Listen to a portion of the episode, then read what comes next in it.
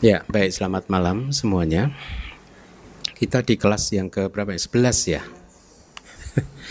Kayaknya lama ini.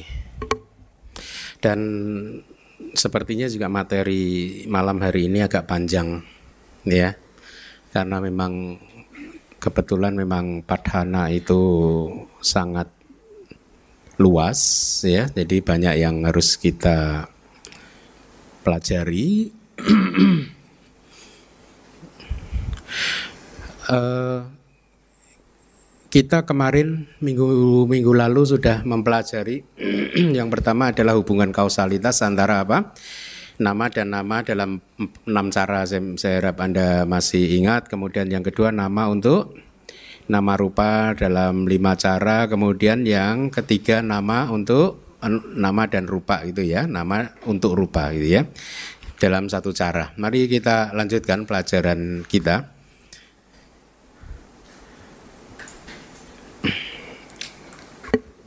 materi adalah kondisi untuk batin, berarti rupa untuk na nama hanya dalam satu cara yaitu enam landasan untuk tujuh elemen kesadaran di kejadian sehari-hari artinya enam landasan adalah pasaya dhamma, tujuh elemen kesadaran adalah pacayu panak dhamma di kejadian sehari-hari. Tapi ada yang kedua, lima objek juga itu menjadi kondisi untuk proses kognitif di pintu panca indera dengan jalan telah lahir sebelumnya atau pureja tak percaya ya. Penjelasan dari Wibawini oleh karena tiadanya landasan mata dan lain-lain di momen Pati Sandi ya saya harap ingat kita bicara tentang kelahiran sebagai manusia di momen Pati Sandi memang tidak ada landasan mata. Dari enam landasan hanya ada berapa landasan yang eksis? Hmm? Hah? Kok tiga? Ah, di momen Pati Sandi berapa? Kayak, ah, enggak dong, waktu ya.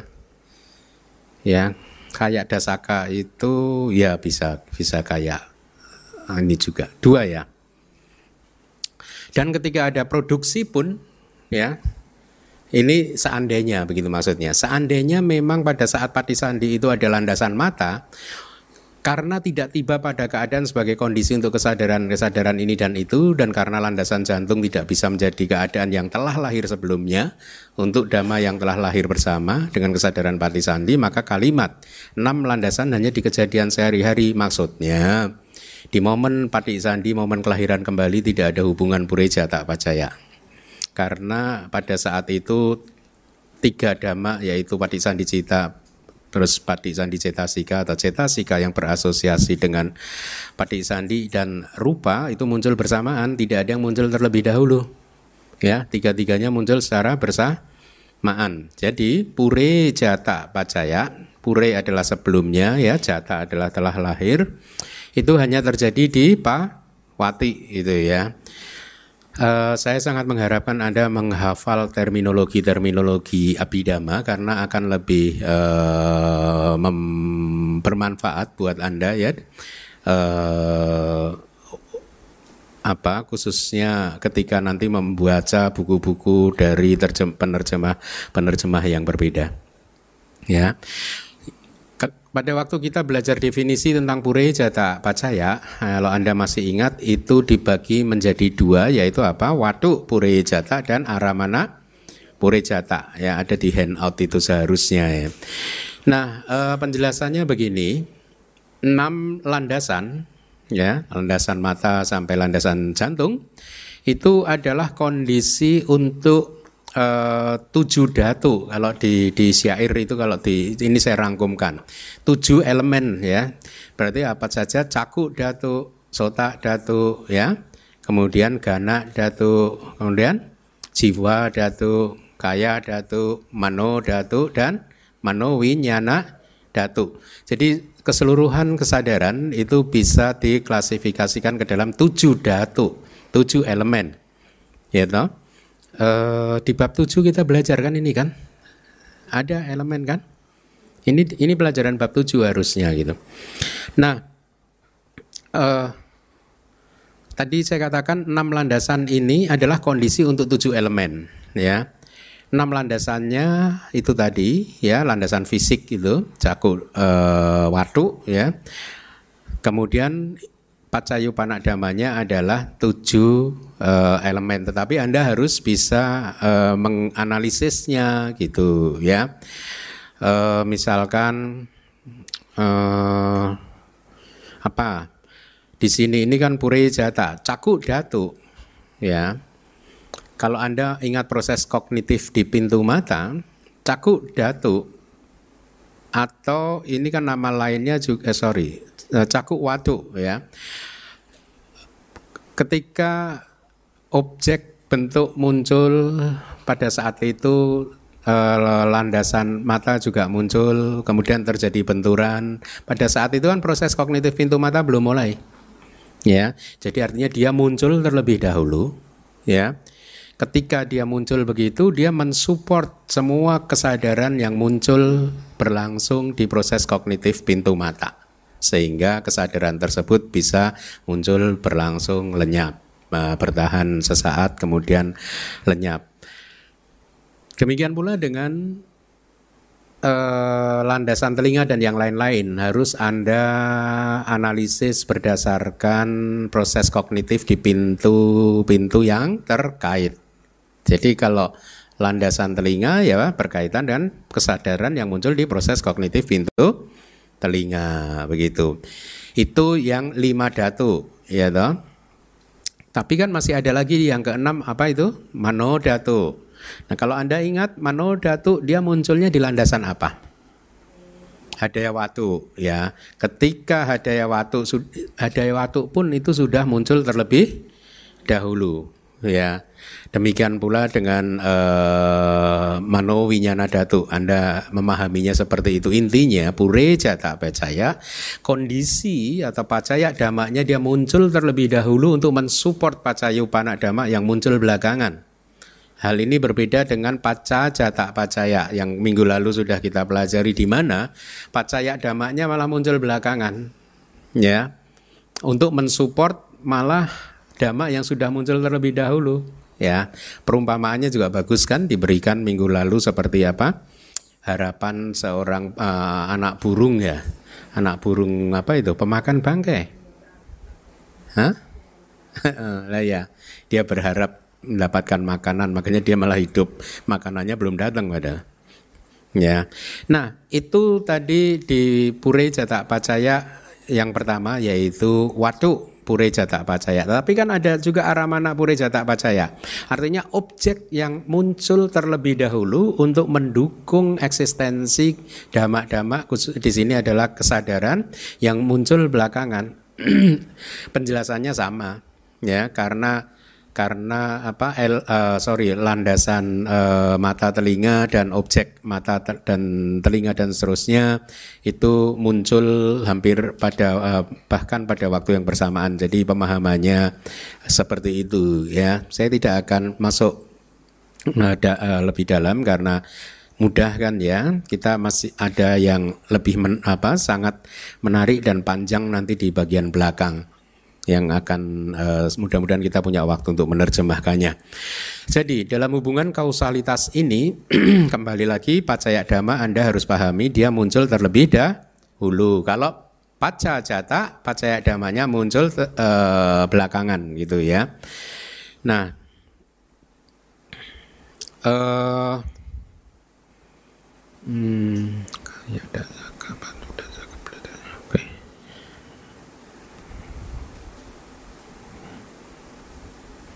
Ah, ada ya waktu sudah tadi ya di momen pati sandi bisa nggak menjadi kondisi? Nggak bisa ya, karena semua muncul bersamaan. Anda harus pahaminya begitu. Tidak ada yang muncul terlebih dahulu gitu. Ya. Kalau sekarang saya tanya, ada waktu menjadi kondisi untuk di dalam kehidupan sehari-hari menjadi pacaya dhamma untuk pacaya upana dhamma yang mana saja? Mano Datu dan dan Mano Winyana Datu ya. Ada berapa Mano Winyana Datu yang didukung Hadawatu? 89 dikurangi 4 dulu Arupa Wipaka berarti 88 5 dikurangi 10 lagi 70 5 dikurangi eh, uh, 10 itu dari Dwi Pancawinyana dikurangi 3 Manodatu nanti berapa? 72 ya Anda pahaminya seperti itu karena rupa wacara arupa wacara wipaka tidak bergantung pada uh, landasan apa pun ya nah untuk aramana pureja tak percaya uh, objek objek panca indera adalah kondisi untuk semua cita di proses kognitif pintu panca indera. Ya, demikian pula dengan eh, apa? Kalau yang di Mano Dwarawiti sekarang tadi kalau panca Dwarawiti. Kalau Mano Dwarawiti sebagai pacayu panak damanya, maka dalam hal aramana puri jata pacaya, eh, pacaya damanya apa? Masih ingat nggak? pelajaran di mungkin di handout ada mungkin anda bisa lihat handout apa saja ingat nggak 18 nipana rupa ya ya kalau anda nggak ini dilihat di handoutnya Seale ya pure jata pacaya arah mana pure jata pacaya ya hmm? ya saya harap Anda juga tahu 18 nipana rupa. Tahu nggak? Hmm? Apa? Pagoba Haji Ahara. Pesada, 5 pesada, 7 gocara, berarti 12. 2 bawa rupa, 14. 1 hadaya, 15. Jiwita, eh? Ada jiwita berapa tadi? 16 ya. Kemudian ahara 17 satunya apa? Elemen air ya bagus 18. 18 nipana rupa yang yang yang present yang saat ini uh, menjadi kondisi untuk semua cita di mano dwara with t. Oke. Okay. Iya. Soalnya yang head up kan hanya panca indera. Enggak, Manudwara bisa dengan li, uh, 18 nipana rupa. Ya. Kan panca indera nggak bisa mengambil 18 nipana rupa, Pak. Banyak objek-objek panca, nggak semuanya kan? Ya toh. Ya hanya rupa, sada dan seterusnya aja kan? Pesada, gocara, ya hanya gocara aja. Pesada nggak bisa. Tapi kalau Anda bermeditasi, kan mampu men, me, manodwara witi Anda melalui kesadaran uh, jana konsentrasi uh, akses upacara samadhi Anda kan mengambil nibbana rupa. Ya toh? Lim, selanjutnya Lima objek untuk proses kognitif dikatakan dengan merujuk apa yang telah ada di Patana mengenai penjelasan analitis tentang objek yang telah lahir sebelumnya. Artinya di Pureja tak uh, Pacaya yang kitab saya sudah bacakan itu ya. Itu Anda hafalkan di sana penjelasan-penjelasannya. Kemudian akan tetapi di bagian tentang pertanyaan panhawara ini nanti yang akan saya terjemahkan Kalimat yang diawali dengan para seka dan jana memahami secara mendalam wipasanti. wipasanti itu kayak kayak menembus ya, memahami melalui wipasana. Mata sebagai anicca juga yang tadi saya ceritakan dalam wipasana. Oleh karena telah dipahami untuk mata yang muncul di masa kini tanpa perbedaan, maka objek mental pun didapatkan kondisi objek yang telah lahir eh, sebelumnya untuk proses kognitif di pintu batin. Jadi pada dasarnya begini, objek masa kini itu dipahaminya begini. Sebenarnya kan eh, kalau kita seseorang itu menganalisa objek bentuk objek-objek panca indera di dalam wipasananya, ya, dia tidak mengamati present objek sebenarnya karena objek yang masa kini sudah lenyap terlebih dahulu ketika pintu kognitif uh, di pintu panca indera, proses kognitif di pintu panca indera sudah selesai. Tetapi karena kekuatan dari konsentrasi seseorang, maka ini dianggap sama. Yang baru saja lenyap itu masih bisa ditangkap. Dan itu dikategorikan sebagai present moment juga, objek yang masa kini juga. Makanya memang sebenarnya kalau seseorang itu bicara tentang present moment awareness, meditation and present moment, kalau yang mengerti abidama banyak yang nggak bisa present moment itu karena objek yang diamati sering kali sudah lenyap.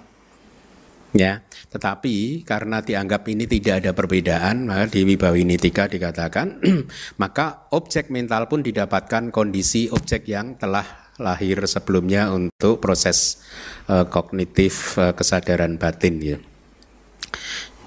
Selanjutnya konsep batin dan materi uh, berarti ini yang keberapa ya? Lima ya, ya lima ya. Berarti panyati nama dan rupa adalah kondisi hanya untuk batin dalam dua cara yaitu aramana pacaya dan upanisaya pacaya ya. Jadi saya ulangin lagi yang hubungan kausalitas yang kelima antara panyati nama rupa di satu sisi sebagai pacaya dhamma, kemudian pacayu panak damanya adalah nama. Hubungan ini terjadi dalam dua model hubungan kausalitas yaitu apa? Aram anak pacaya dan upanis saya pacaya. Sehubungan dengan hal tersebut, objek ada enam cara berdasarkan uh, materi dan lain-lain uh, artinya ini enam objek ya adalah pacaya dhamma yang uh, menyebabkan cita untuk muncul dengan mengambilnya sebagai objek. Coba saya indikan dulu. Di aramana pacaya uh, apa uh, kondisi objek ya apa pun itu bisa menjadi pacaya dhamma. Handout saya harusnya ada ya. Hmm? Semua kan? Halaman berapa? 11. Hah? Arah mana? Ya, itu lihat apa pun kan? 89 cita, 52 cetasika, 28 rupa, nibana dan konsep itu uh, yang saya maksud dengan apa pun gitu dia bisa menjadi pacaya dhamma di arah mana pacaya ya. pacaya upana damanya apa? Hmm? Berarti di sini karena hubungannya adalah antara apa tadi e, nam, e, konsep nama rupa dan nama kan berarti pacaya upana damanya hanya nama yaitu cita dan cetasika begitu ya. Kalau Anda mau analisis ya bisa misalkan loba mula yang pertama lagi diambil uh, apa? Ketika loba mula cita yang pertama itu muncul ya dalam hubungan ini kan dia pasti jadi pacayu panadamanya kan? Ya tidak? Ini kan kita bicara arah mana pacaya ya. Maka objeknya apa? Nah anda harus beberapa itu tentang objek itu? Loba mula cita berarti apa? Uh, logia cita Logia cita semua bisa jadi objeknya loba mula cita. Ya. Berarti cetasika yang berasosiasi berapa? 52. Loba mula cita bisa mengambil rupa enggak?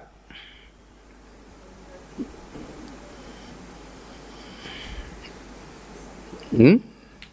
Bisa apa enggak? Bisa ya. Kemudian panyati bisa juga kan? Berarti apa?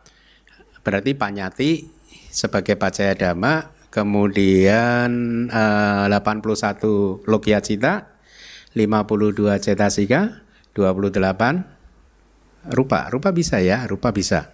Ya, itu adalah pacaya dhamma. Ini pelajaran bab berapa nih? Tiga ya? Hah? Tiga. Menguap. Anicca. Kalau Dwi Pancawinyana mudah kan? Dwi Pancawinyana mengambil objek apa? Hmm? Ya, objek panca indera gitu kan, lima, lima objek indera kan. Berarti dia yang present aja kan, yang masa kini saja, mudah kan. Kalau manoda tuh kan kita tadi ambil dari loba mula cita, sebenarnya dosa mula cita juga bisa diambil. Nah, Anda harus analisa begitu. Tapi ini saya lompat-lompat aja. Habis Dwi Pancawinyana Manodatu. Manodatu itu mengambil objeknya apa? Lima objek. Berarti lima objek bisa menjadi pacaya dhamma untuk Manoda. Itu artinya lima objek salah satu ketika salah satu itu muncul, dia bisa mendukung Manodatu untuk muncul dan melangs, melangs, melakukan tugasnya sampai selesai dan kemudian lenyap. Gitu ya. Kemudian apa? Setelah manodatu apa? Uh, manodatu kemudian di tabel itu apa? 11 11 12 berarti tadara mana tadara mana sama hasitu pada dia bisa mengambil objek apa? Masih ingat nggak? Hmm? ya apa saja? 54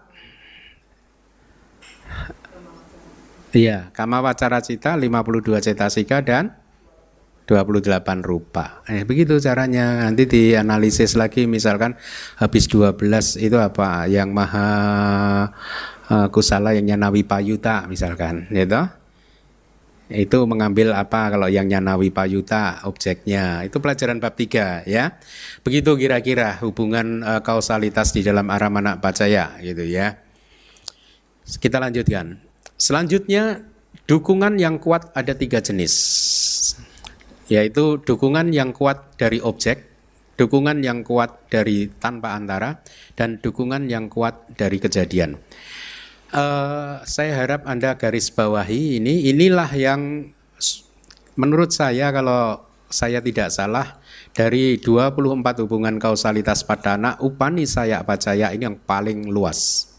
Makanya nanti akan saya terjemahkan. Karena paling luas mencakup objek uh, hubungan yang sangat luas sekali. Di dalam upani saya pacaya ada tiga Anda boleh garis bawahi itu di bahasa palinya. Aramana upani saya aramanu panisaya upanisayo kan? Itu yang pertama. Kemudian anantara anantaru panisayo atau anantara rupa nisaya kemudian pakatu panisaya pakatu panisaya itu terdiri dari dua kata. Pakati plus upanisaya pakati itu adalah bisa keadaan alamiah bisa. Nah, ini yang kalau menurut saya, uh, menurut saya ya, uh, with apa dengan segala hormat saya terhadap kepada Biku Bodi, beliau menerjemahkannya sebagai kayak decisive support of uh, natural decisive support. Artinya dukungan yang sangat kuat dari keadaan yang bersifat alamiah. Kalau menurut saya agaknya kurang pas. Ya, memang pakati itu keadaan alamiah, nature, natural. Itu arti dari pakati. Tapi pakati itu bisa juga diterjemahkan sebagai kejadian. Makanya saya memilih kejadian. Sekali lagi dengan rasa apa segala hormat saya kepada Biku Bodi, eh, menurut saya terjemahan beliau pakatu panis saya kurang akurat. Jadi pakatinya bukan natural, tetapi harusnya kejadian. Seperti yang nanti akan Anda lihat definisi dari pakat tupani saya itu sifat alamiah atau kejadian. Ya, ada yogi keluar dari jana kemudian mereview ini. Ya, kejadian semua nanti yang diceritakan itu. Ya, makanya di sini saya terjemahkan menjadi dukungan yang kuat dari kejadian. Ada satu kejadian dia diambil, dihormati, kemudian dimuliakan kejadian tersebut, dia menjadi dukungan yang sangat kuat. Ya, ada seorang berdana, dari berdananya kemudian muncul begini, muncul begitu, kejadian. Ya, makanya uh, dan saya nggak tahu kalau di Indonesia biasanya diterjemahkan apa gitu. Berarti poin ini yang saya ingin anda pahami, upani saya percaya ada berapa? Ada tiga, yaitu aramanu saya anan taru panis saya dan pakatu panis saya. Yang pertama adalah dukungan yang kuat eh, di sini duk, upani saya pacaya atau kondisi duk dari dukungan yang sangat kuat artinya pacaya damanya ini menjadi pendukung yang sangat kuat untuk kemunculan pacayupana dama. Ini menarik sebenarnya nanti makanya saya sangat pengen menerjemahkannya karena Saya sangat berharap Anda mendapatkan gambaran yang utuh khususnya untuk Upanisaya Pacaya. Jadi di sini Upanisaya Pacaya adalah kondisi di mana Pacaya damanya itu harus syaratnya berpengaruh sangat kuat. Makanya kalau di dalam Pacayani desanya ada kalimat garung katwa. Garung katwa, garung itu esteem, honored, dihormati, dihargai, dijunjung tinggi gitu ya. Jadi objeknya benar-benar itu spesial gitu. Itu syaratnya. Kalau Anda buka di Pacayani Desa Pali yang sudah saya baca, pasti ada semuanya garung katua, garung katua, garung katua. Katua bagi yang sudah belajar kelas Pali and Jeren.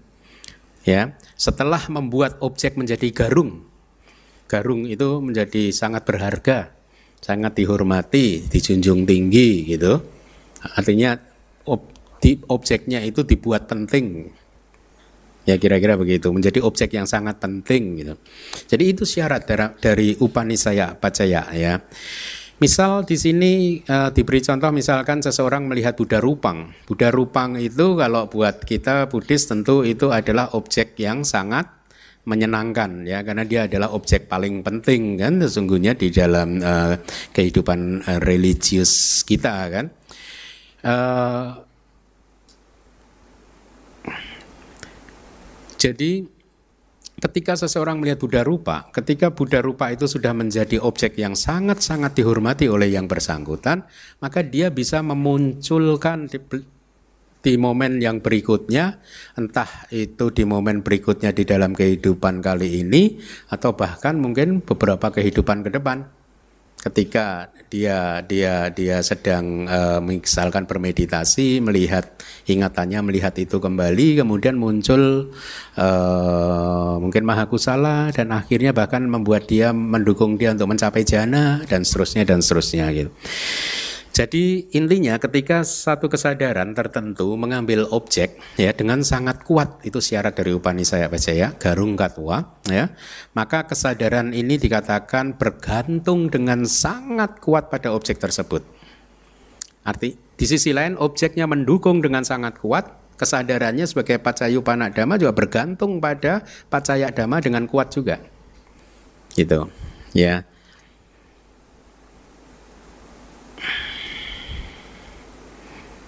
Nah, itulah mengapa di sini pacaya damanya haruslah objek yang menyenangkan. Harusnya dosa mula cita dan seterusnya nggak bisa kan? Ya, nggak bisa ya. Oke. Ya, jadi itu Anda catat. Objeknya harus objek yang menyenangkan atau sangat menyenangkan. Ida dan ati ida ya. Untuk cita.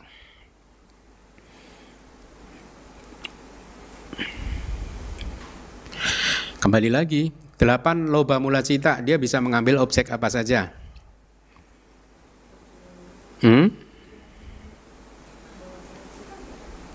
Cuman apa? Lokia toh, Lokia, Lokia bisa, Lokia. Tapi kan Lokia masih dikurangi lagi dosa mula cita, moha mula cita, kemudian apa satu eh, kaya winyana. Nah, itu? Nah, duka saha kata kayak winyana maksud saya yang yang aku salah. Berarti loba mula cita harusnya bisa mengambil 81 logia cita, tetapi harus dikurangi 5 dulu. Karena objek harus menyenangkan. Dosa mula cita, moha mula cita itu tidak menyenangkan. Kemudian juga duka saha kata kaya winyana juga tidak menyenangkan. Berarti 81 kurangi 5, 76 ya. Jadi Anda harus hati-hati dalam Upanisaya Pacaya ini yang Aramana Upanisaya agak berbeda dengan yang tadi. Kalau yang tadi dua dosa mula cita, dua moha mula cita, duka sahagata kaya winyana itu masuk. Kalau yang Aramana Pacaya. Kalau Aramana Upanisaya nggak masuk. Ya, karena objeknya harus menyenangkan. Anda harus ingat-ingat kuncinya itu objek untuk upa nisaya. Upa itu kuat, nisaya itu sebenarnya ya dukungan bisa, ya tempat untuk bergantung bisa gitu. Nah, cetasikannya berapa jadi? Nah, Anda 52 dikurangi masih grup dosa 4 dikurangi hilang, gitu. Grup dosa kan hilang. Do, isa, maca, kuku hilang semua. Dosa, isa, maca, ria, kuku, ca hilang. Benar biji kica hilang. Berarti 52 dikurangi 5, 47. Berarti loba mula cita mendapatkan bisa mendapatkan dukungan yang sangat kuat dari 76 logia cita dengan 42 47 cetasika yang berasosiasi dengannya gitu. Sama apa lagi? 18 nipana rupa. Tapi harus yang menyenangkan juga. Ya. Itu adalah pacaya damanya. Kemudian dosa mula cita, dia bisa menjadi pacayu panadama? Tidak bisa, tadi sudah dijelaskan ya. Karena apa? Dia tidak mengambil objek yang menyenangkan kan? Ya. Demikian pula dengan moha mula cita dia tidak mengambil objek yang menyenangkan dan juga apa duka sahagata kaya minyana. Maha kusalanya nawi payuta. Ketika dia menjadi pacaya dhamma, ya, eh, dia diambil oleh eh ini arah mana ya? Dia mengambil objek apa? Kalau dia pacaya dhamma, maha kusala nyanawi payuta. Sebagai pacaya. Sebagai pacaya berarti diambil ya. Eh enggak enggak enggak. Uh, pacayu panak ya. Pacayu panak sorry. Pacayu panak dia berarti apa? Mengambil objeknya apa? Sama dengan loba enggak dong Mahakusalanya Nawi Payuta itu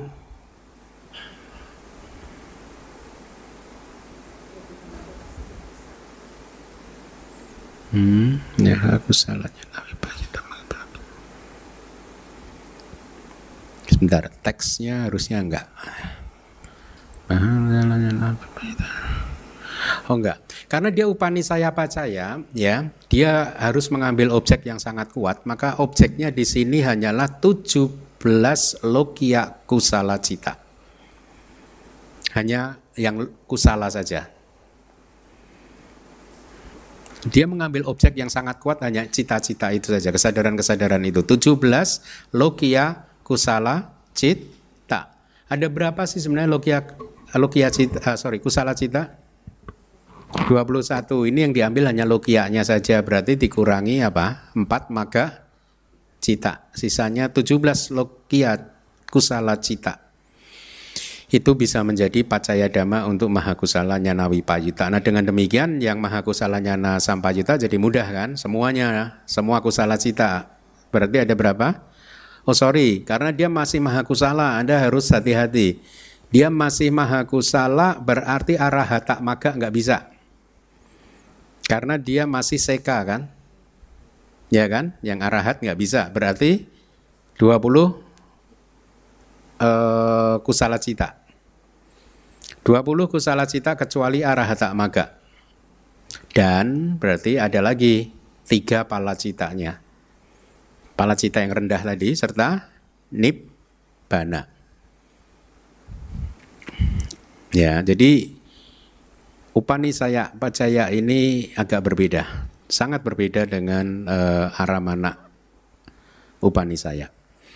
Nah, kalau Maha Kiriya Nyana Sampayuta, hmm? dia mengambil apa? Yang sangat kuat. Kalau di dalam teks dikatakan Maha Kiriya Nyana Sampayuta hanya mengambil objek dengan sangat kuat melalui dukungan Upanisaya Pecaya itu yaitu pacaya damanya adalah Arahata Maga, Arahata Pala dan Nibana. Hmm? Hmm, maga, Arahata Maga, Arahata Pala dan Nibana. Sementara Maha Kiriya Nyana Wipayuta tidak bisa mengambil objek dengan sangat kuat. Makanya dia tidak menjadi uh, tidak masuk dalam hubungan pengkondisian ini. Setelah itu 8 lokutara cita. Ya, objeknya apa? Nibana. Itu keluar tuh nanti ujian. Jadi mudah kan. Nah, jadi di dalam hubungan kausalitas ini, ara mana upanisaya pacaya, pacayu panadama itu harus mengambil objek ya, yaitu pacaya damanya dengan sangat kuat. Saya ulangin lagi, garung katwa, makanya analisisnya menjadi berbeda. Ya, tidak semua objek bisa diambil oleh kesadaran-kesadaran tertentu dan tidak semua kesadaran bisa menjadi pacayu panadama. Contohnya mahakirya nyanawi payuta itu. Berarti sekarang kesimpulannya apa? E, pacayu panadamanya apa saja tadi? 8 loba mula cita. 8 mahakusala. Ya, 8 mahakusala. Kemudian 4 mahakirya nyanasam payuta dan 8 lokutara cita. Kenapa kesadaran jana nggak ada? Ya, karena kesadaran jana objeknya adalah konsep. Dia tidak masuk dalam klasifikasi ini. Ya.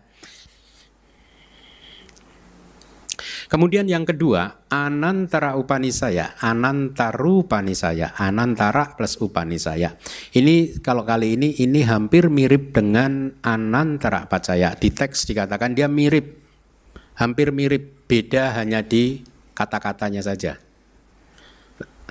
Gitu. Tapi dikatakan hampir mirip gitu, tapi nggak dijelaskan juga dengan dengan jelas sih. Perbedaannya sangat lembut sekali gitu.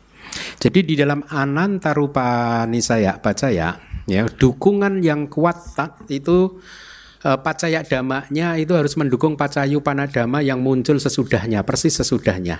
An antara tanpa antara ya. Sehingga dukungan yang kuat tanpa antara ini adalah uh, satu potensi yang menyebabkan cita dan cetasika yang muncul berikutnya persis muncul berikutnya Artinya persis setelah kelenyapan pacaya damanya ya harus bergantung dengan dia yang baru saja uh, ber, uh, sangat kuat kepada cita dan cetasika yang baru saja lenyap itu. Ya.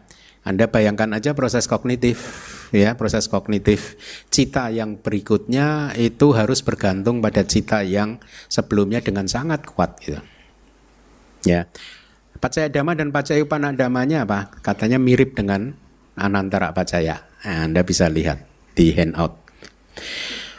Pakat upanisaya sekarang, pakati plus upanisaya. Ini hubungan yang uh, kausalitas yang paling luas ya. Uh, saya terjemahkan sekali lagi dukung Anda boleh garis bawahi sebagai dukungan yang kuat dari satu kejadian ya dari kejadian. Dukungan yang kuat dari kejadian melibatkan semua kejadian nama dan rupa di masa lalu yang menjadi powerful ya, menjadi kuat sekali sehingga cita dan cetasika yang muncul belakangan harus bergantung padanya dengan sangat kuat. Ya. Di sini pacaya damanya adalah 89 cita, 52 cetasika, 28 rupa, kemudian uh, beberapa panyati, tidak semua panyati. Kalau Anda ingat teksnya itu ada utu bojana, utu bojanampi, kemudian pugalo, kemudian senasana. Kalau teksnya itu kan, berarti apa? Iklim utuh adalah iklim, bujana adalah makanan, pugala adalah individu atau seseorang, mah, man, uh, ya individu ya. Kemudian apa? Senasana, senasana itu dwelling, kuti. Hmm? Hmm? Tempat tinggal. Ada itu di Pacayani desanya.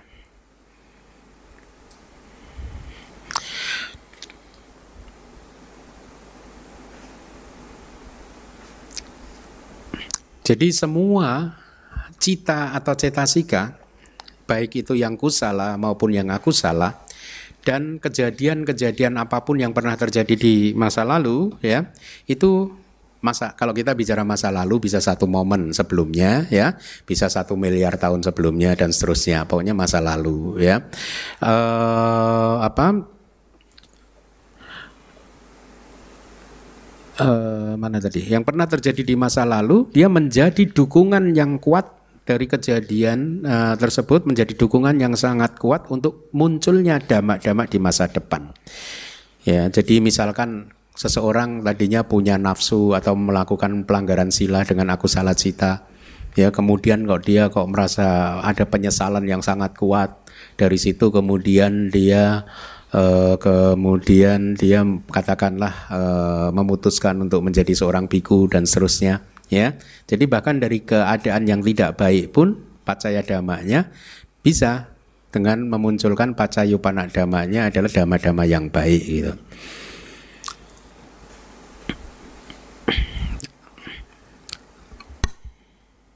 Jadi kalau di teks itu antara lain gini, nafsu yang telah muncul di masa lalu bisa menjadi pakat tupani saya untuk pembunuhan dan pelanggaran sila-sila lainnya. Masuk akal ya? Ya seseorang melanggar sila gara-gara nafsu yang sebelumnya sudah muncul. Nah sebelumnya itu bisa ribuan tahun juga bisa, tidak terbatas di kehidupan yang saat ini. Tapi sebaliknya, nafsu yang telah muncul di masa lalu bisa menjadi pakatu panisaya pacaya untuk dama-dama yang baik. Misalkan gara-gara penuh nafsu akhirnya seseorang kapok bertobat istilahnya begitu dia bertekad untuk melenyapkan nafsu-nafsu tersebut menjadi seorang biku dan akhirnya men mempraktekkan dana sila bawana dan akhirnya muncul maga cita pala cita ya jadi nafsu dia adalah pacaya dama Pacayu panadamanya katakanlah bisa maga cita atau dana, sila, bawana, segala hal dama yang baik bisa. Ya. Demikian pula dengan uh, sada keyakinan seseorang bisa menjadi pakat saya seseorang untuk melakukan dana, sila dan lain-lain. Hmm. Kita terjemahkan aja yuk, kayaknya di sana lebih lengkap. Uh, ini saya menerjemahkan saya harap nanti bisa jadi arsip ya toh.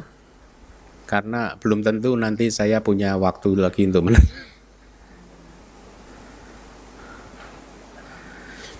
Panjawara. Tapi saya ingin hanya yang upani saya pacaya. Berarti yang upani saya pacaya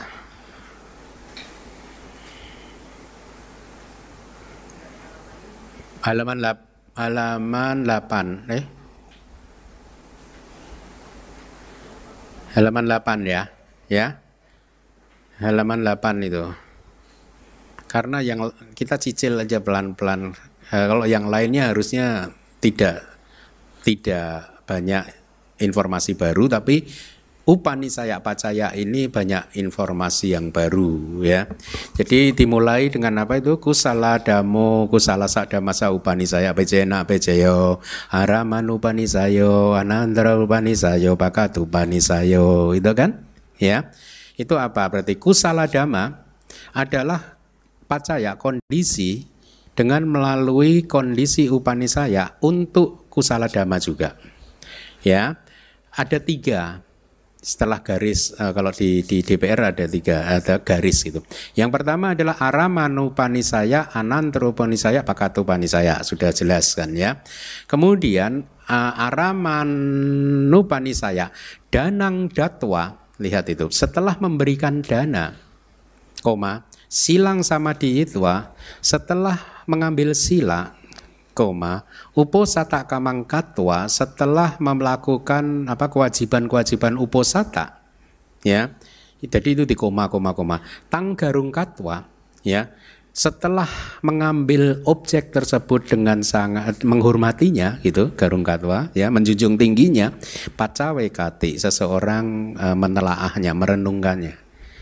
Pacawe kati pacawe kati apa? Menelaah ya atau mempertimbangkannya, mengkontemplasikannya, ya itu bisa. Pube suci nani garung katwa setelah membuat apa pun yang sering dipraktekkan di masa lalu dengan baik, suci nani ya, dia juga kemudian mempraktekannya. Jadi ini bicara tentang aramanu panisaya. Artinya apa? Dana bisa menjadi pacaya dama.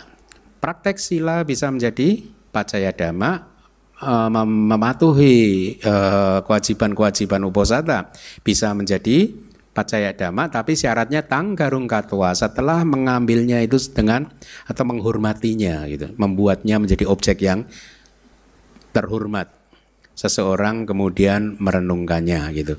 Pube suci nani garung katwa tadi udah. Jana putahitwa setelah keluar dari jana, janang garung katwa setelah membuatnya menjadi apa? Apa tadi? Hmm, dihormati gitu ya. Seseorang kemudian uh, mengkontemplasikannya. Jadi kontemplasinya yang dia lakukan itu menjadi pacayu panadama ya jana yang baru saja dia keluar menjadi pacaya dhamma tang garung katwa seka gotrabung garung katwa ya ini berarti setelah membuat gotrabu itu menjadi sangat apa sih tadi saya terjemahkan garung? Hah? dijunjung tinggi dihormati begitu ya. Jadi gotrabu ini ya momen gotrabu. Setelah di, uh, menghormati gotrabu tersebut seka merenungkannya atau mengkontemplasikannya. Artinya dia mengamati gotrabunya itu. Artinya gotrabunya menjadi aramanu panis saya atau pacaya damanya. Wodanang garung katwa pacawe kanti wodana juga bisa menjadi pacaya dama untuk seka. Ya. Seka maga wutahitwa setelah keluar dari jalan seka ya merenungkan jalan tersebut yang sudah sangat dihormatinya itu tadi. Objek yang sangat kuat tadi. Paham ya? Berarti kalau yang itu seka maga utahitwa pacaya damanya adalah maga jalan ya kemudian dari jalan akhirnya muncul perenungan atau kontemplasi pacawekana pacawekanti perenungan. Anantara anantarupani saya purima purima kusala kanda berarti agregat-agregat yang baik pacimanang pacimanang kusala nang kanda nang upani saya bajayana bajayo adalah kondisi melalui kondisi dukungan yang sangat kuat untuk kanda-kanda yang baik juga. Ya. Anuloma juga begitu untuk Gotrabu. Anulomang Gotrabusa anuloma untuk gotrabu. Artinya anuloma adalah pacaya damanya, gotrabu adalah pacayu pana damanya. Anulomang wodanasa, anuloma untuk wodana. Ya toh? Kalau tadi gotrabu ini wodana, beda kan? Gotrabu magasa. Gotrabu untuk jalan, maga. Wodanang magasa juga sama. Wodana dan untuk jalan melalui kondisi upanisaya bacaya. Nah ini yang menarik ini agak panjang. Pakatu panisaya. Ya, ini hubungan pakati upanisaya tadi dukungan yang sangat kuat dari kejadian. Ya. Sadang upanisaya danang deti dengan bergantung pada keyakinan seseorang memberikan dana. Berarti sadanya itu adalah pacaya dhamma, ya. Dari sada akhirnya dia menjadi pendukung yang sangat kuat untuk dia berdana. Ya, si silang sama diati berarti sama sadang upanisaya dengan bersandar pada sada seseorang mempraktekkan sila mengambil sila karena ada sada berarti sadanya adalah pacaya dhamma mengambil sila adalah atau mempraktekkan sila adalah uh, Ya, Pacayupana Dhamma. Ya, sama di hati itu mengambil. Kembali sama sadang upani saya uposata kamang karoti. Jadi dengan bergantung bersandar pada sada, maka seseorang mau uh, matuhi uh, kewajiban-kewajiban uposata. Ya toh? Sadang upani saya janang upadeti. Dengan bersandar pada sada seseorang kemudian menghasilkan jana. Ya. Sadang upanisaya wipasanang upadeti. Itu cara membacanya. Dengan bersandar pada sada, seseorang menghasilkan wipasana. Koma magang upadeti menghasilkan jalan. Abinyang upadeti menghasilkan abinya. Sama pating upadeti menghasilkan pencapaian jana. Pen, uh, sama pati ini harusnya semua pencapaian meditatif. Ya, tidak hanya jana. Semua pencapaian lah. Kemudian sila dan seterusnya suta belajar tuh ada belajar tuh Hah? iya uh-uh. oh bukan bukan ini berdana uh, ya ini beda iya Sila itu ini kita bicara pacaya dhamma ya. Berarti sila, koma, suta, suta itu banyak mendengar, belajar. Oh, belajar Anda nggak rugi kan? Caga itu pelepasan, generosity, kemurahan hati, dan seterusnya dan seterusnya. Koma, panya, kebijaksanaan, upani saya dengan bersandar pada sila atau belajar atau kemurahan hati atau kebijaksanaan danang deti dana muncul ya siapa bilang belajar nggak penting hmm. Koma silang sama di hati upo sata kamang karoti dan seterusnya seseorang mengambil sila seseorang mematuhi kewajiban uposata ya Eh, seseorang menghasilkan jana, menghasilkan wipasana, menghasilkan jalan, menghasilkan abinya, menghasilkan samapati. Dari lo kok berhenti di situ?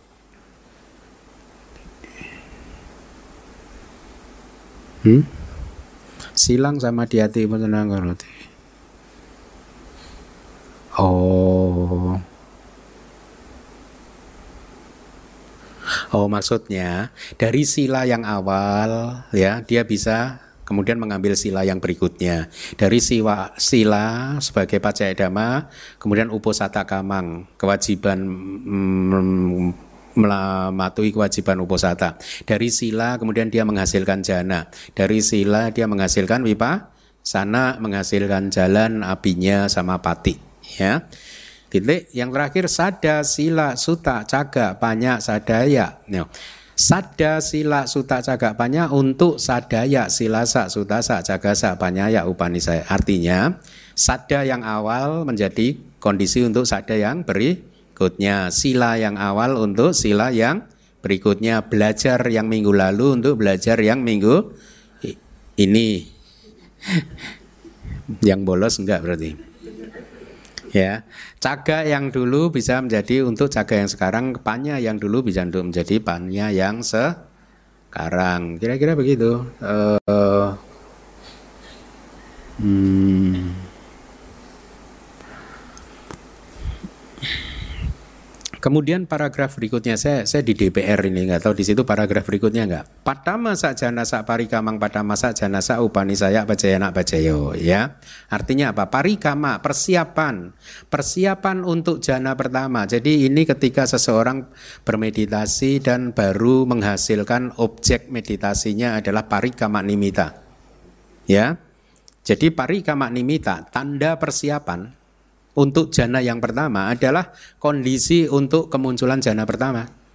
Ya, dutia sak jana sak parikamang berarti tanda konsentrasi yang persiapan untuk jana yang kedua adalah kondisi untuk jana yang kedua itu sendiri.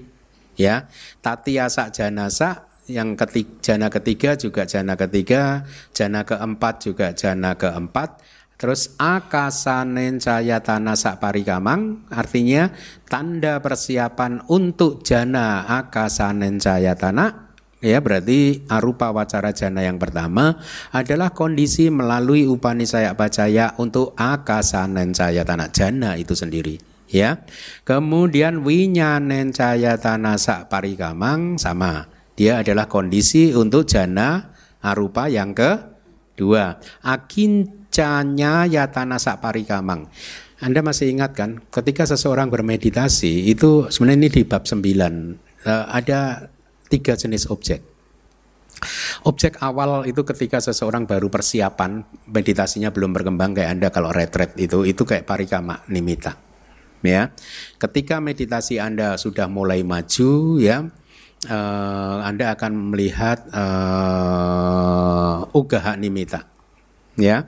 Setelah itu yang ketiga adalah pati eh, pati baga nimita dulu, kemudian eh ugaha nimita, kemudian pati baga nimita. Ada tiga. Jadi ini objek yang paling awal parikama itu. Tapi itu pun bisa menjadi kondisi untuk kemunculan jana yang bersangkutan kan? Itu maksudnya ya. Kemudian sampai di mana tadi winyanensa akincanya sudah newasanya nasanya sa ayat anasa parikamang berarti tanda e, persiapan untuk newasanya jana arupa yang keempat adalah kondisi untuk jana yang arupa yang keempat. Pada mang janang dutiasa janasa. Jana yang pertama adalah kondisi untuk jana yang kedua. Ya, melalui upanisaya bat jaya. Jana duti yang janang tatiasa janasa. Jana yang kedua untuk jana yang ketiga. Tati yang janang catutasa janasa. Jana yang ketiga untuk jana yang keempat. Catutang janang akasa nencaya tanasa Berarti jana yang keempat rupa wacara adalah kondisi untuk jana arupa yang pertama. Akasa nencaya tanang minya nencaya tanasa. Paham ya?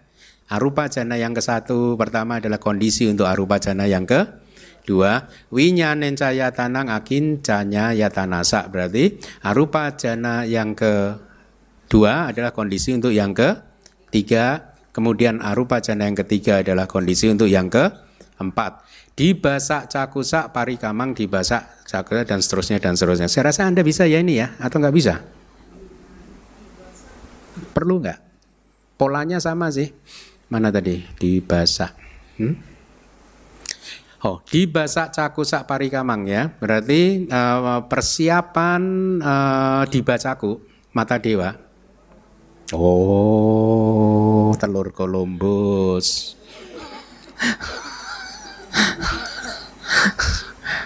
Udah belajar Pali loh. Oh.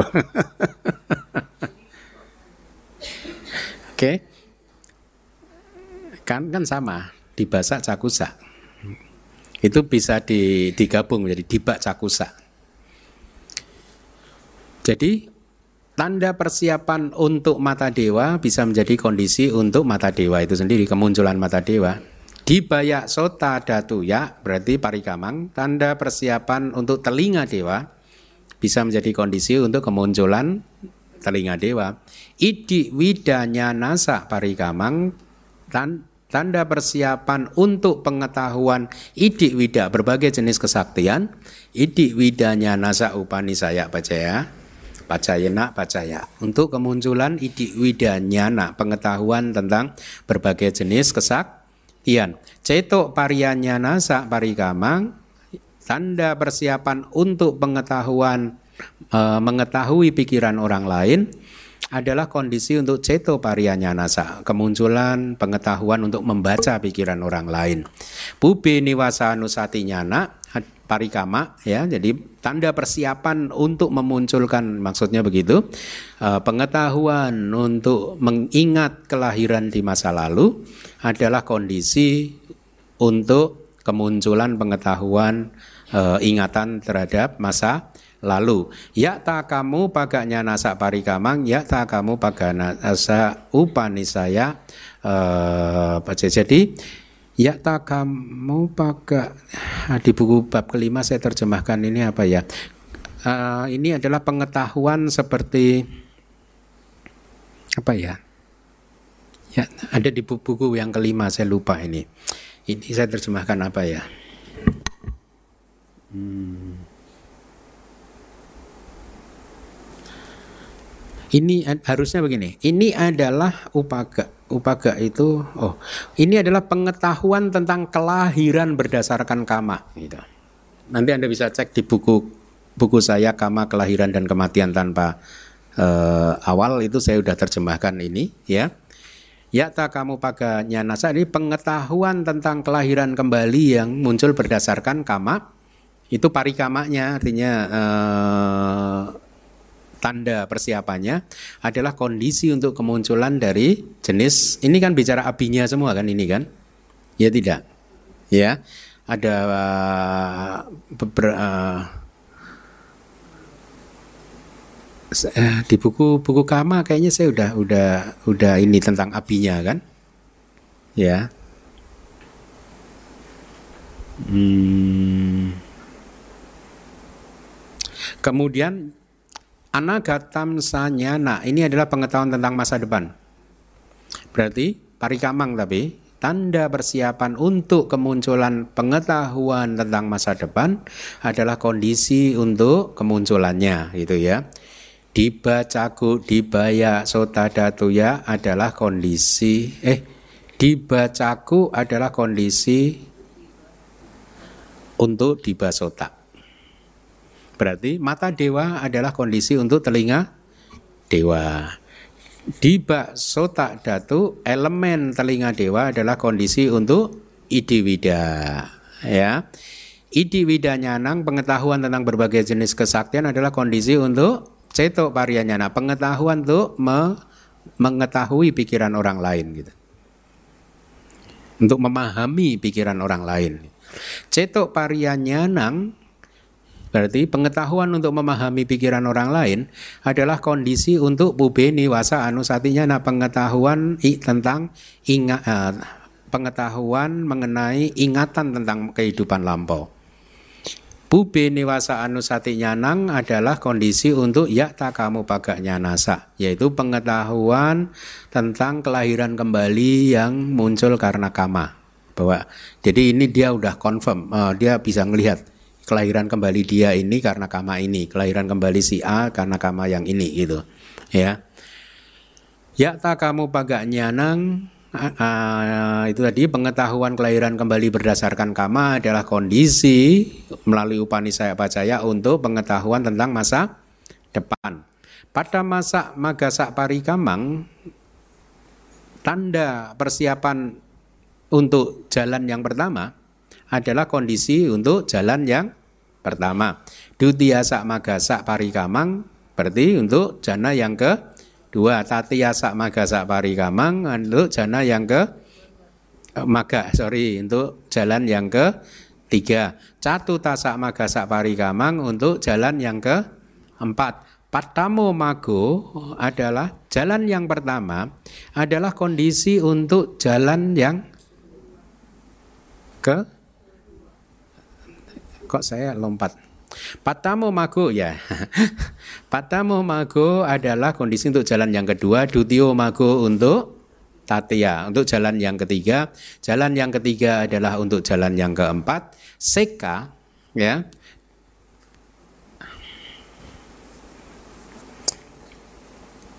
Jadi magang Upanisaya dengan bersandar atau bergantung pada jalan para seka ya menghasilkan pencapaian-pencapaian meditatif yang belum muncul.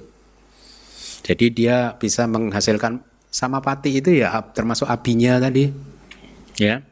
Dia harus bergantung dengan sangat kuat pada jalan. Atau koma ya, dia juga bisa menjadi kondisi untuk memasuki pencapaian yang sudah dicapainya. Jadi maganya tadi untuk para seka jalan dengan bergantung pada jalan para seka menghasilkan pencapaian meditatif yang dia belum kuasai artinya belum muncul atau dia masuk ke pencapaian meditatif yang dia sudah kuasai. Jadi dia bergantung dengan sangat kuat pada jalan. Itu. Paham? Bisa dilanjutkan? Hmm? Uh, mana sangkare seseorang berwipasana untuk melihat sangkara sebagai anicca, duka dan anatta. Itu itu masuk. Maka nggak ada ininya ya sebentar ya. Saya, saya urut-urutkan ya.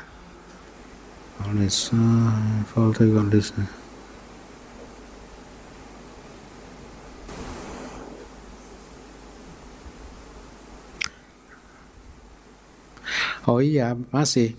Berarti para seka berwipasana ya. Sangkaranya adalah pacaya dhamma, kemudian pemahaman anicca duga dan anatta sebagai pacayupana dhamma. Kan seka pun masih harus berwipasana kan? Mago jalan adalah kondisi untuk atak pati sambida, delapan pati sambida para seka Kemudian dhamma pati sambida berarti uh, ya pati sambida itu ada tiga sebenarnya. Ini Anda kenalan dulu. Dhamma pati sambida, niruti pati sambida, pati bana pati sambida. Ya, kita belum belajar ini. Dhamma pati sambida itu pati sambida apa ya saya terjemahkan ya biasanya ya. pengetahuan analitis tentang dhamma. Kemudian niruti itu tentang language, tentang bahasa. Ya. Nah, kalau kita lihat sehedo-sehedo besar di Myanmar itu, kalau saya yakin sambidanya bagus. Dia damak sambidanya bagus, nirutinya juga bagus.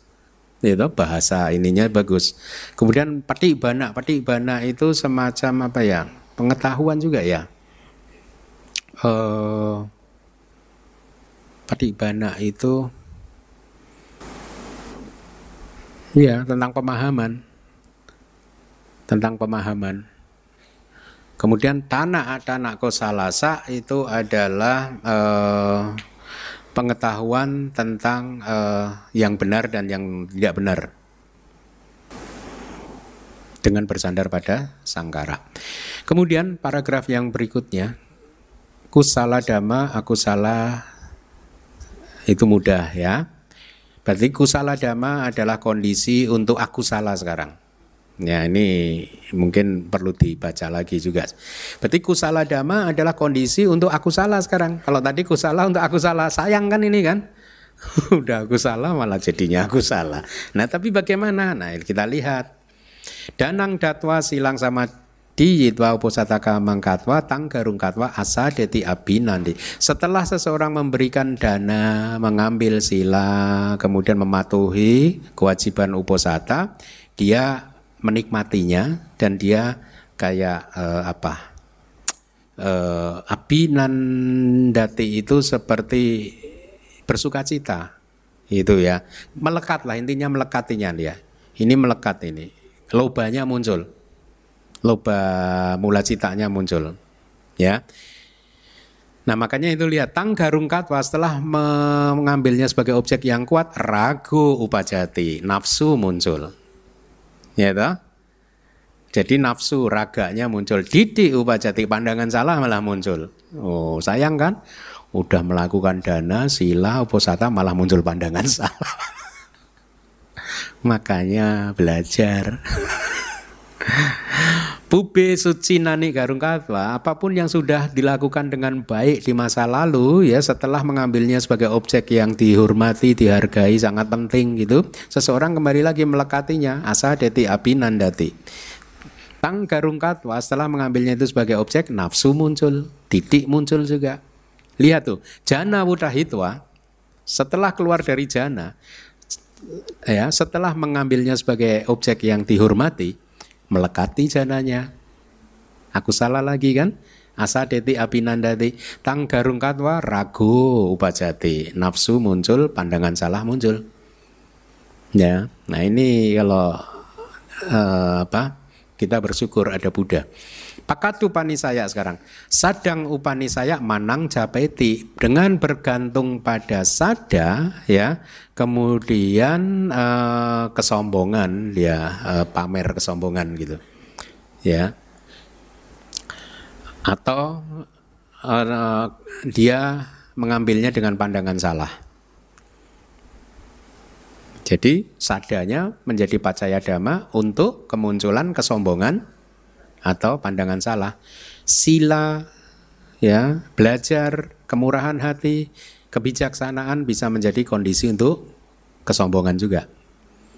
Untuk pandangan salah juga. Lagi ya. Kemudian pacaya dhamma sada, sila, belajar, kemurahan hati, kemudian kebijaksanaan bisa menjadi kondisi untuk ragasa, nafsu, dosasa, kebencian, mohasa, delusi, manasa, kesombongan, di dia pandangan salah. Itu. Patanaya, patanaya itu harusnya aspirasi ya. Desire, tapi ini dalam dalam konteks yang negatif ya.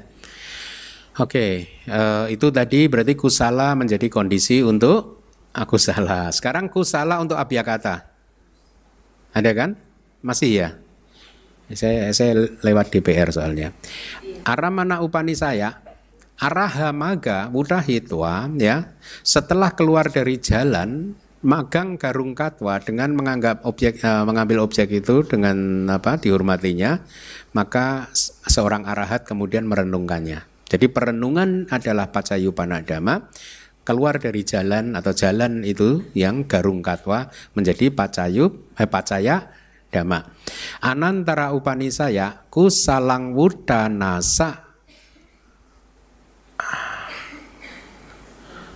Berarti seseorang yang bangkit dari yang dhamma yang baik niroda udanasa newasanana untuk Oh, oke okay, oke okay, oke. Okay. Kusalang wudanasa itu adalah setelah keluar dari dhamma yang baik atau huh? sorry sorry bukan bukan. Kusala ya adalah pacaya untuk wudanasa berarti dhamma-dhamma yang baik adalah kondisi untuk wudanasa itu bangkit dari pencapaian. Bisa dari bangkit dari jana bisa bangkit dari jalan bisa bangkit dari buah bisa bangkit dari niroda samapati itu mago jalan adalah kondisi untuk buah. Mago palasa. Sama yang tadi. Anulomang adalah sekaya. Untuk pencapaian sekaya. Eh bukan. Anuloma adalah untuk pencapaian buah para seka Niroda adalah untuk tasa keluar dari niroda. Newasanya, nasanya yatana kusala adalah kondisi untuk pala sama pati. Paham ya? Jadi yang terakhir adalah newasanya, nasanya yatana kusala adalah kondisi untuk pala sama mati. Masih ingat proses kognitif pala sama pati? Hmm? Enggak.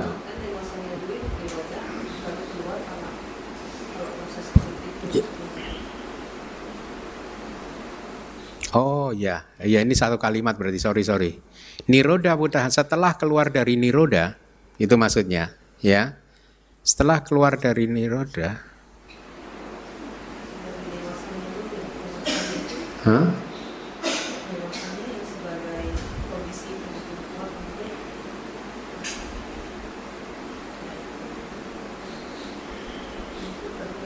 Iya, setelah keluar dari niroda, newasanya nasanya yatanaku salah adalah kondisi untuk pala samapati. Ya, proses kognitifnya gitu kan. Kemudian pakat upanisaya. Saya selesaikan upanisaya ya. Oh, masih panjang. Hah? Makanya kok panjang sekali gimana nih? Hah? Dikit lagi yang mana? Satu paragraf aja. Hah?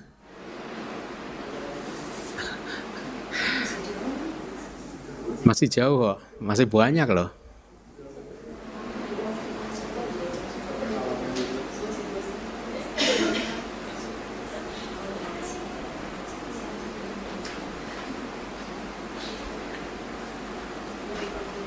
Tapi continue aja ya.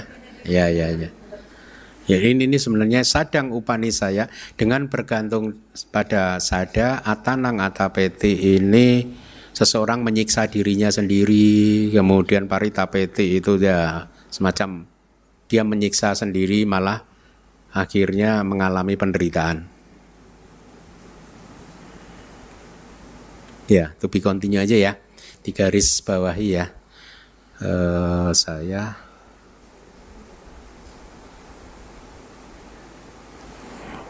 Oke, panjang ya.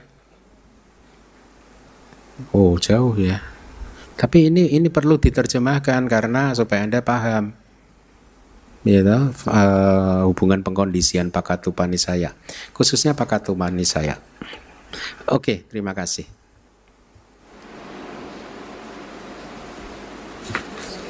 Hmm? Oh slide ya. Slide-nya itu penjelasannya sama. Coba aja. Coba aja kembali ke slide ya.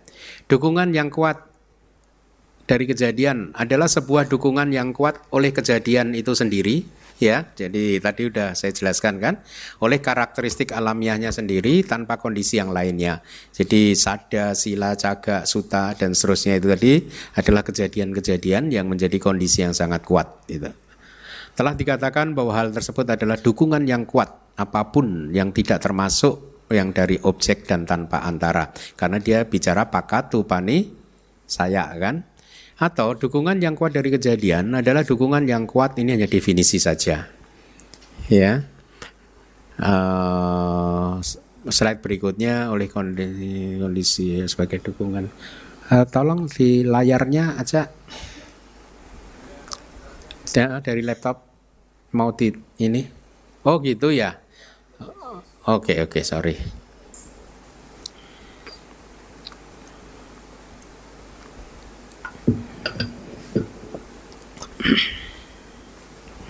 Oleh karena itu kondisi keadaan alami itu salah saya, harusnya kejadian.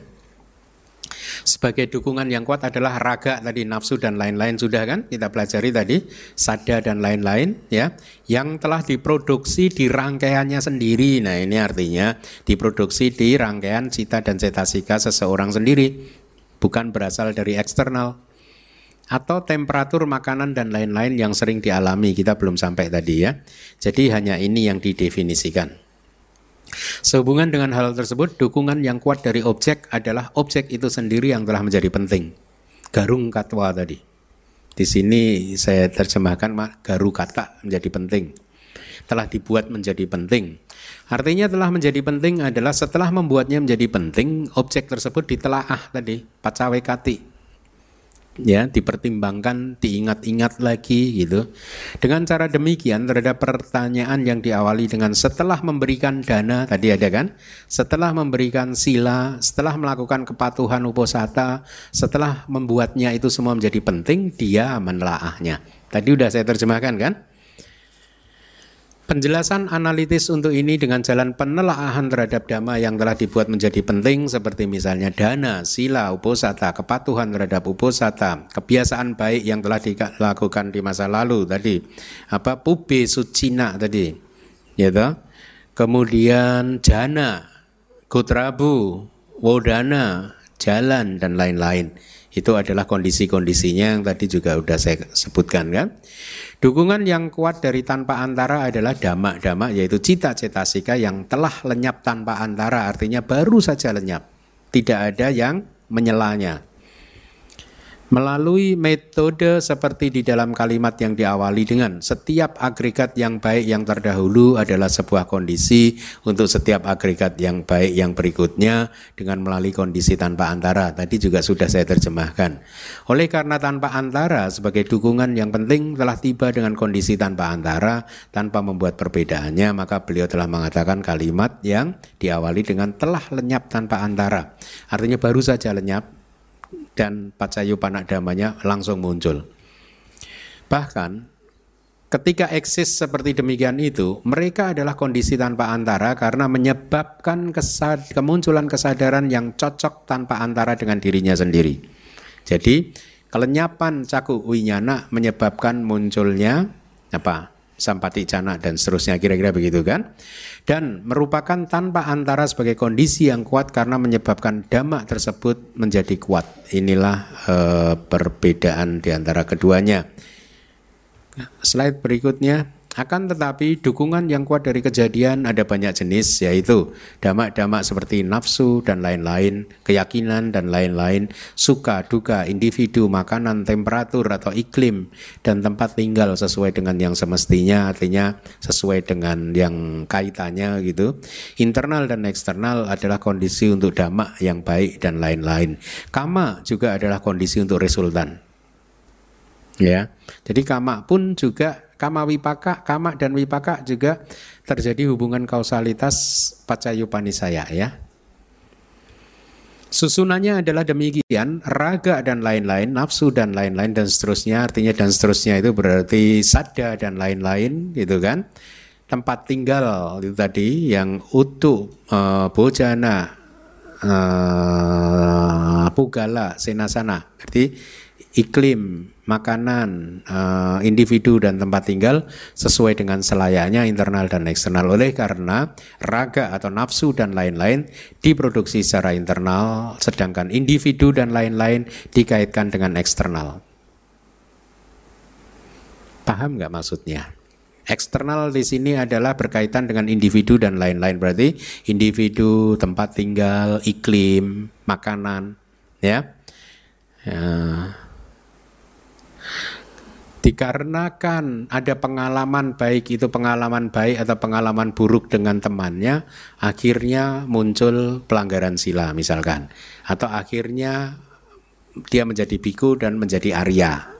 Bisa. Itu yang dimaksud internal dan eksternal. Klasifikasi untuk eksternal adalah untuk individu dan lain-lain yang uh, harus dipahami seperti itu tadi. Dengan cara itu sesungguhnya hal ini telah dikatakan oleh Acarya Anuruddha, damak-damak seperti raga, sada, dan lain-lain tinggal di internal. Damak-damak seperti individu-individu dan formasi-formasi menempel pada eksternal. Ya atau konstruksinya persis dengan cara seperti apa yang berdiri tegak yaitu untuk damak yang baik dan lain-lain internal dan eksternal. Oleh karena damak-damak baik dan lain-lain bersandar pada raga seseorang. Orang lain yang sedang melakukan perbuatan baik bersandar pada sada milik seorang kalyanamita. Ya artinya anda mempunyai teman, kalian namita Anda sadanya kok kuat sekali gitu ya. Akhirnya menginspirasi Anda untuk melakukan hal yang baik. Itu. Ya jadi itu ada penjelasan seperti itu. Kadang kita kan kayak saya dulu waktu di Myanmar itu terutama kalau di ini banyak belajar dari guru-guru saya tentang hal seperti ini. Bagaimana guru saya itu disiplinnya tinggi gitu akhirnya memunculkan tekad saya untuk juga menjadi seorang yang disiplin dan seterusnya. Ini mirip karena seorang kalyanamita ya. Kan tadi ada utuk bojana pugala sainasana ya. Utuk itu iklim, bojana itu makanan, pugalo itu orang lain bisa kalyanamita. Gitu. Itu maksudnya. Jadi kadang kita mempunyai kalyanamita yang murah hati misalkan. Oh dia kok murah hati sekali akhirnya bisa menjadi kondisi kita untuk meniru dia meneladani dia. Akhirnya kita pun menjadi murah hati. Begitu ya. Sehubungan dengan hal tersebut, hal yang berikut ini hendaknya dipahami sesuai dengan yang semestinya, yaitu bersandar pada kama raga, nafsu ragawi, dan lain-lain, dengan maksud untuk lahir di kelahiran lingkup indriawi. Jadi dengan bersandar pada nafsu-nafsu ragawi akhirnya seseorang uh, uh, lahir di kelahiran lingkup indriawi. Dan peredaan raga hilangnya nafsu-nafsu uh, uh, jadi bersandar pada nafsu ragawi dan lain-lain ya uh, gimana ini? Dengan maksud untuk Artinya menjadi kondisi untuk seseorang lahir di kelahiran lingkup indriawi. Ya, bisa di apa ya, bisa di alam yang bawah, yang baik. Ya toh, kayak dulu ada itu siapa Raja Pasenadi. Ya toh, harusnya jadi dia lahir di surga yang tinggi. Hah? Bibisara ya, Hah? harusnya lahir di surga yang tinggi gara-gara melekat pada musisi ya. Itu kan uh, ini akhirnya malah lahir di surga yang rendah itu ya ini kayak karma represif. Ya jadi nafsu ragawi dia menjadi karma represif. Ya yang mendiskon kualitas karma baiknya. Harusnya lahir di surga tinggi jadi lahir di surga yang rendah itu kira-kira begitu. Dan peradaan, peredaan rega, raga dan lain-lain dari seseorang artinya han, hancurnya nafsu milik seseorang ya uh, menjadi kondisi oleh uh, untuk seseorang yang lain untuk mempraktekkan dana, sila, patuh uposata, jana, apinya, wipasana dan pengembangan jalan. Jadi seseorang terinspirasi oleh pencapaian orang yang lain. Ya. Demikian pula raga dan lain-lain yang muncul belakangan yang disebabkan oleh raga yang lain-lain yang muncul sebelumnya. Paham ya? Tadi juga ada kan nafsu yang muncul sebelumnya adalah pacaya dhamma untuk kemunculan nafsu yang muncul berikutnya. Oleh karena apa pun yang bersandar pada sesuatu untuk uh, sebagai asal mula atau produksinya, sandaran itu disebut kondisi dukungan yang kuat dari kejadian untuknya. Kondisi ini sungguh telah dikatakan mencakup itu wilayah yang sangat luas, yaitu kondisi dukungan yang sangat kuat. Dengan jalan demikian, beliau telah mengatakan bahwa dukungan yang kuat dari kejadian ada banyak jenis. Keyakinan dan lain-lain artinya sila, belajar, suta. Suta itu pas partisipal dari suknati. Ya, kemurahan hati, jaga dan kebijaksanaan. Oleh karena sangat jelas bahwa dana sila dan lain-lain milik seseorang sungguh bersandar pada keyakinan dia, Demikian pula dana, sila dan lain-lain milik seseorang bersandar pada keyakinan dan lain-lain milik para kalyanamita. Paham ya? Jadi ya artinya uh, dana, sila dan lain-lain Anda itu bisa bersandar pada sada Anda sendiri. Artinya karena sada, sada Anda menjadi kondisi dukungan yang sangat kuat untuk dana, sila dan lain-lain bagi Anda. Atau dana, sila dan lain-lain yang milik seseorang juga bisa menjadi inspirasi kira-kira bahasa sehari-harinya dukungan yang sangat kuat uh, bagi Anda untuk uh, memunculkan Demikian pula dana sila milik orang lain bersandar pada keyakinan dan lain mirip para kalyanamita. Oh artinya Anda Anda melihat teman Anda mempunyai uh, sada yang kuat ya. Akhirnya Anda terinspirasi ya kemudian melakukan dana sila dan lain-lain ya. Dalam hal ini berarti sada milik kalyanamita adalah pacaya dhamma dana sila milik Anda itu adalah pacayo panah dhamma Ya, bagus ya. Jadi sekarang pemahaman Anda makin luas. Suka duka di sini mudah dipahami, suka dan duka jasmaniah karena ini adalah suka wedana dan duka wedana. Individu adalah individu sebagai kalyanamita dan lain-lain. Bisa juga A kalyanamita, teman yang buruk juga. Ya, makanan di sini adalah makanan yang sesuai temperatur dipahami dengan cara yang sama, iklim selesai itu adalah yang paling menyenangkan. Baik, terima kasih.